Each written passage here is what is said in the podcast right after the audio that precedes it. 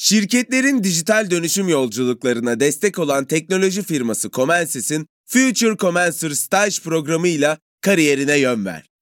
Comensys kariyer sayfasından son başvuru tarihi 22 Mart. Açıklamalardaki linkten hemen başvur, tutkunu uzmanlığa dönüştür. Salus online terapinin yanında size özel ücretsiz içerik planıyla kişiselleştirilmiş bir deneyim sunuyor. Siz de nefes ve farkındalık çalışmaları, meditasyonlar ve çeşitli egzersizlerden faydalanabilirsiniz. Değişim ve gelişim sürecinde hem fiziksel hem de mental sağlığınızı destekleyebilirsiniz. Kendi en iyinizi yaratmak için Salus uygulamasını indirin. Başlangıç 10 koduyla %10 indirimli kullanın. 8 Şubat günü akşam saatlerinde iki araç Kuzey Kıbrıs'ta Girne'den doğru yola çıktı. Birinci araç Kıbrıs'ın kumarhaneler kralı Halil Falyalı'yı, ikinci araç ise onun ailesini taşıyordu. Falyalı'nın şoförü Murat Demirtaş arabayı 20 Temmuz Caddesi'nde sürerken bir anda aracın önü kesildi. Ve içerisinde Halil Falyalı'nın da bulunduğu araç otomatik silahlarla yaylım ateşine tutuldu. Saldırı uyarı amaçlı değildi ve katiller işlerini şansa bırakmamıştı. Çapraz ateşte Falyalı'nın arabasına tam 41 mermi boca edildi. Katiller saldırının ardından olay yerini derhal terk ettiler. Falyalı'nın şoförü Murat Demirtaş olay yerinde, saldırının asıl hedefi Halil Falyalı ise hastane yolunda hayatını kaybetti. Kumar baronu öldüğünde saatler akşam 8 sularını gösteriyordu. Trend Topik'in 108. bölümünde Halil Falyalı cinayetinin sır perdesini aralamaya çalışacağız. Kamuoyu Falyalı'nın adını daha çok Sedat Peker'in iddialarıyla tanımıştı. Peki kimdi bu Halil Falyalı? Onu öldürenler neyi hedefliyordu? Her şeyden önemlisi Falyalı cinayeti nasıl bir olaylar zincirini tetikleyecek? Bu bölümde bizlere gazeteci Timur Soykan da eşlik edecek. Hazırsanız başlayalım.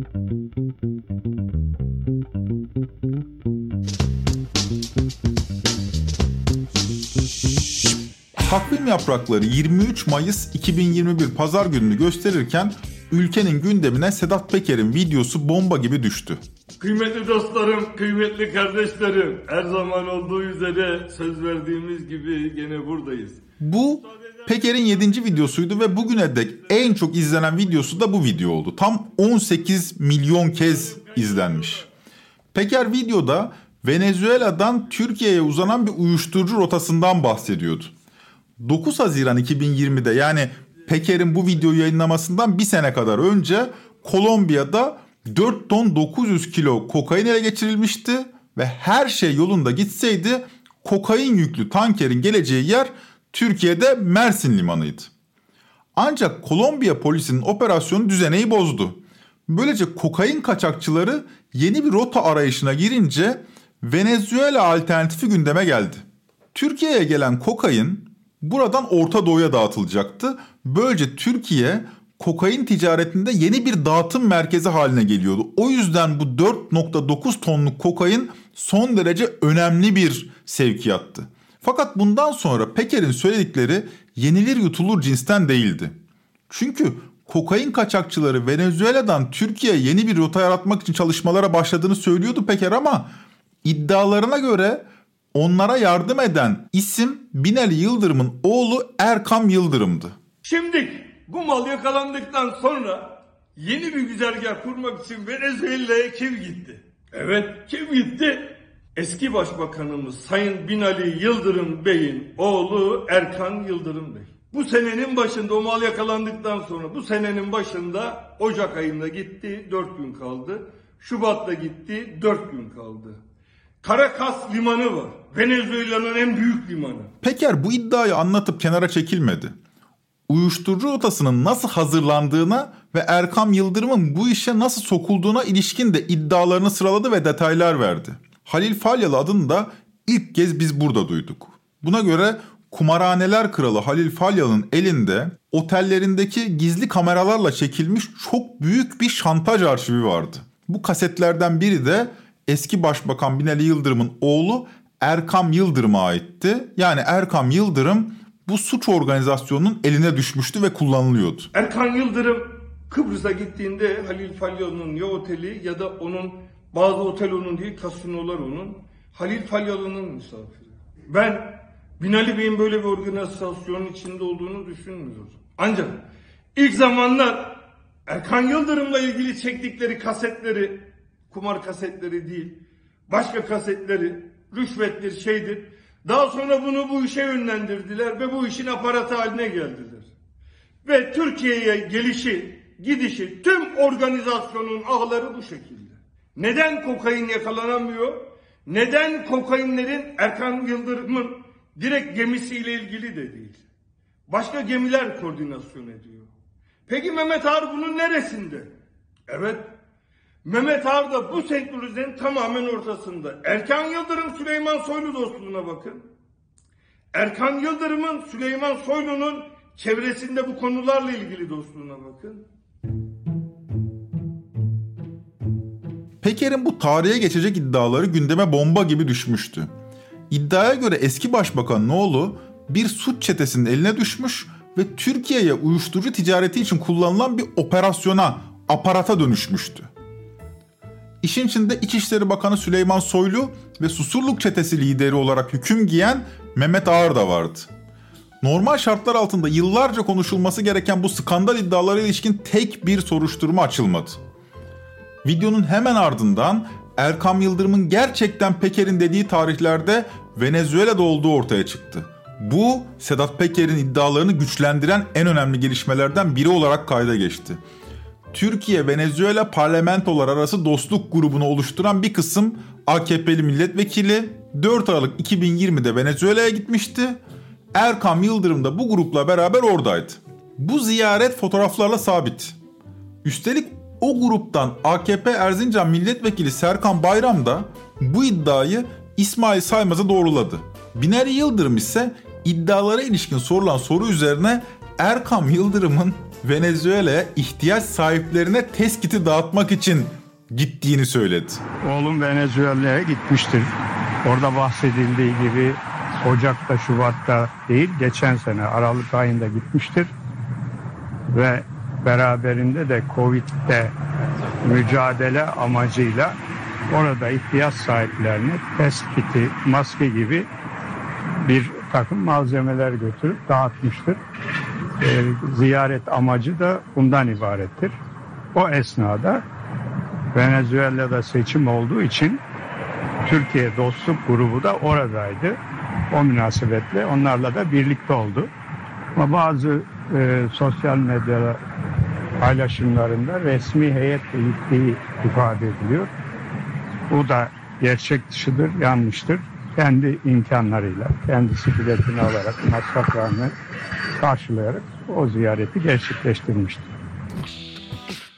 Binali Yıldırım'ın bu savunması üzerine büyük ölçüde mizahi içerikli çok sayıda paylaşım yapıldı. Zira gümrük verilerinde Türkiye'den Venezuela'ya giden herhangi bir test kaydı bulunmuyordu. Olsa olsa bavuluyla test götürdüğüne ilişkin e, tevatürler dolaştı. Buna dönük Erkam Yıldırım tiye alındı.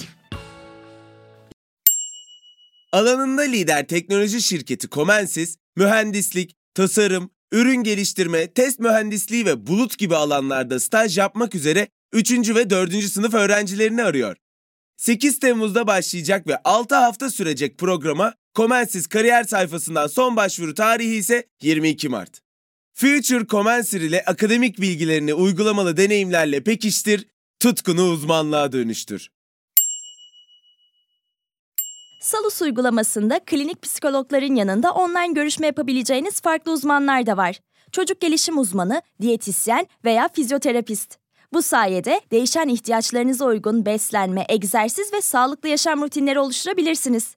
Salus uygulamasını indirin ve başlangıç 10 koduyla %10 indirimden yararlanın. Detaylar açıklamalarda ve salusmental.com'da. İşte bu olayların tam orta yerinde duran isim Kıbrıslı kumar baronu Halil Falyalı'ydı. Türkiye'de 1998'de kumarhaneler yasaklandıktan sonra Türkiye'nin yeraltı dünyası Kıbrıs'ı bir kumar cennetine çevirmişti. Falyalı ise bu adadaki bu para trafiğini kontrol eden kişiydi. Şantaj kasetleri sayesinde de kendisine bir dokunulmazlık elde etmişti. Sedat Peker 8. videosunda bu konuya da şöyle değiniyor. Eski başbakanın oğlu Venezuela'ya Kıbrıs'taki o para sistemi Orta Doğu'ya gidiş. E diyorsunuz ya biz herkesi gider alırız. E Halil Falyalı'yı niye almıyor? E yayınladı arkadaşlar Amerika'nın kırmızı arama şeyini. Orta Doğu'nun uyuşturucu patronu diye. E Türkiye'de de bet işlerinden aranıyor. E, herkesi gidip alıyorsunuz. Gidin onu da alın. Ama onda kasetler var. Herkesi çekmiş o da. Herkesi çekmiş diyor. Nitekim bugün geldiğimiz noktada Halil Falyalı 8 Şubat'ta pusuya düşürülerek öldürüldü. O yüzden önemli bir dosya açılmış oldu. Kendisi basit bir çete lideri değil. Yani basit bir mafya hesaplaşmasından bahsetmiyoruz. Bayağı deve dişi gibi bir adam suikastle katledildi. Milyarlarca dolara hükmeden bir kaçak bahis imparatorundan bahsediyoruz. Kaçak bahis deyip geçebilirsiniz. Belki hatta bunu küçümseyebilirsiniz. Ancak MASAK'ın 2017 tarihli raporuna göre bu yasa dışı bahis işindeki para uyuşturucu işiyle boy ölçüşüyor. Pastanın yıllık büyüklüğünün 150 milyar TL'den fazla olduğu söyleniyor. Altını çizelim. Falyalı suikasti bir öncü deprem. Bu suikast ile birlikte devamı gelecek bir dizi olayın fitili ateşlendi demek bu yüzden doğru olacaktır. Peki Falyalı'yı kim ne amaçla öldürdü? Konunun uzmanı, Baronlar Savaşı kitabının yazarı benim de hem Bir Gün Gazetesi'nden hem de Halk TV'deki Kayda Geçsin programından birlikte çalıştığım gazeteci Timur Soykan'la bu soruların perde arkasını konuştuk. Soykan suikaste ilişkin 3 olasılığa odaklanıyor. Birinci olasılık yasa dışı bahisteki savaş Falyalı'yı ölüme götürdü. Birinci olasılık bu. İkinci olasılık Falyalı'nın şantaj arşivini yok etmek isteyen veya bu şantaj arşivinin mağduru konumundaki güçler devreye girdi. Üçüncü olasılık uyuşturucu pastasını bölüşürken birbirine giren güçler Falyalı'yı katletti.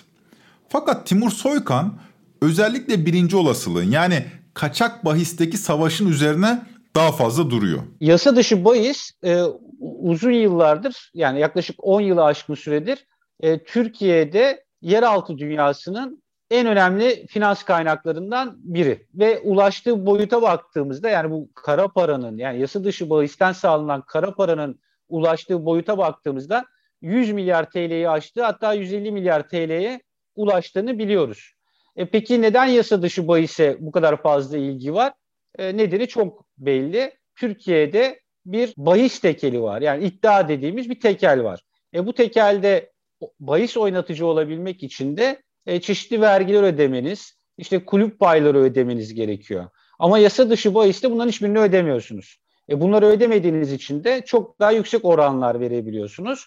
Ve Türkiye'de de çok yaygın e, bahis oynayan kişi olduğu için 5 milyon kişi deniyordu 2017 yılında. E, bunun bu sayının çok daha fazla olduğunu biliyoruz. Bu kişiler normal e, yasal sitelerden ziyade daha yüksek oranlar alabilecekleri yasa dışı bahise yöneliyorlar. Yıllık cironun milyarlarca doları bulduğu bir pastadan bahsediyoruz. Böyle küçük bir pasta değil. Bu haliyle kaçak bahis yeraltı dünyasına uyuşturucu kadar fazla para getiriyor. Hal böyle olunca bu kadar parayı korumak için de sadece silah değil, devlette de bağlantılarınızın olması gerekiyor. Halil Falyalı'nın da derin bağlantılarının olduğuna ilişkin elimizde veriler var. Sadece Sedat Peker'in de ifşaatları değil bu veriler. Timur Soykan konuya ilişkin şu uyarıları yapıyor. Yani Halil Falyalı'nın bu organizasyonunun sadece yeraltı dünyasıyla ve bir mafya grubuyla sınırlı kalması mümkün olan bir şey değil. Her şeyden önce bu kadar büyük paranın olduğu bir alanın yani bu kadar bir rantın olduğu bir alanı e, asla tek kişiye veya bir mafya grubuna eğdirmezler. Bunun mutlaka bürokraside ve siyasette derin bağlantıları olması gerekiyor. E şimdi bununla ilgili tabii ki rivayetler var. Ama bununla ilgili veriler de var. Şimdi veriler ne? Birincisi Türkiye'de yasa dışı bahis operasyonları sık yapılan operasyonlar. Türkiye'de her yıl ara ara yasa dışı bahis operasyonları yapılır. Ama hani bunların bir tanesi Game Over'dır. 2007 yılında yapıldı. Bir tanesi 2016 yılında yapılan handikap operasyonudur. Bunlar da Halil Falyalı'nın ben bu dosyaları inceledim. Halil Falyalı'nın bu dosyalarda adının olmaması gerçekten çok garip. Yani büyük bir organizasyon olduğunu herkes biliyor, herkes konuşuyor, herkes Halil Falyalı'dan bahsediyor. Ama bakıyorsunuz soruşturmalarda Halil Falyalı yok. Peki bu nasıl olmuş olabilir? Bu neden kaynaklanmış olabilir? Şundan kaynaklanıyor. Veysel Şahin'in bir ifadesinden bunu yakalıyoruz. Veysel Şahin diyor ki ben Kıbrıs'tayken Türkiye'den polisler geldi. Benden 500 bin lira istediler. Birinden 1 milyon lira istediler. Herkesten bütün bu kasino sahipleri ve yasa, başı, bahis işi yapanlardan para istediler ve haklarındaki soruşturmaları kapatmayı teklif ettiler diyor. Bununla ilgili bir suç duyurusunda bulunuyor Veysel Şahin. Türkiye'nin en büyük kaçak bahis baronu olacaksınız. Ancak Türkiye'nin en büyük kaçak bahis operasyonları olan Game Over ve Handikap operasyonlarında adınız geçmeyecek. Görünen o ki Falyalı operasyonu bir öncü deprem. Artçıları olacak. Timur Soykan da Falyalı suikastinin ardından bu cinayetler serisinin gerçekleşebileceğini söylüyor. Kavganın tam ortasındayız diyor Timur Soykan. Timur Soykan aynı zamanda Sedat Peker'in ifşaatlarının ardından çıkan kapsamlı bir derleme kitap olan Duvarında yazarı. Duvar kitabının bir diğer yazarı olan yani konunun uzmanlarından sayılan Bahadır Özgür de Bir Gün gazetesindeki köşe yazısında şu değerlendirmeyi yapıyor. Yer altının ağır bir taşı yerinden oynamışsa eğer yer üstünde de bir şeyler değişiyor demektir. Falyalı'yı öldürmeyi zorunlu kılan bir konsept işlemeye başladı ve süreç yer altında değil, yeryüzünde nihayete erecek. Belli ki Falyalı cinayetinin ardından yaşanacak olaylar Tren Topi'nin sonraki bölümlerinin de konularından biri olacak. Bölümü böylece bir üç noktayla sonlandıralım. Devamı gelecek. Tren Topi'yi Podbi Medya ile beraber hazırlıyoruz. Bir sonraki bölüme kadar aklınıza mukayyet olun. Görüşmek üzere.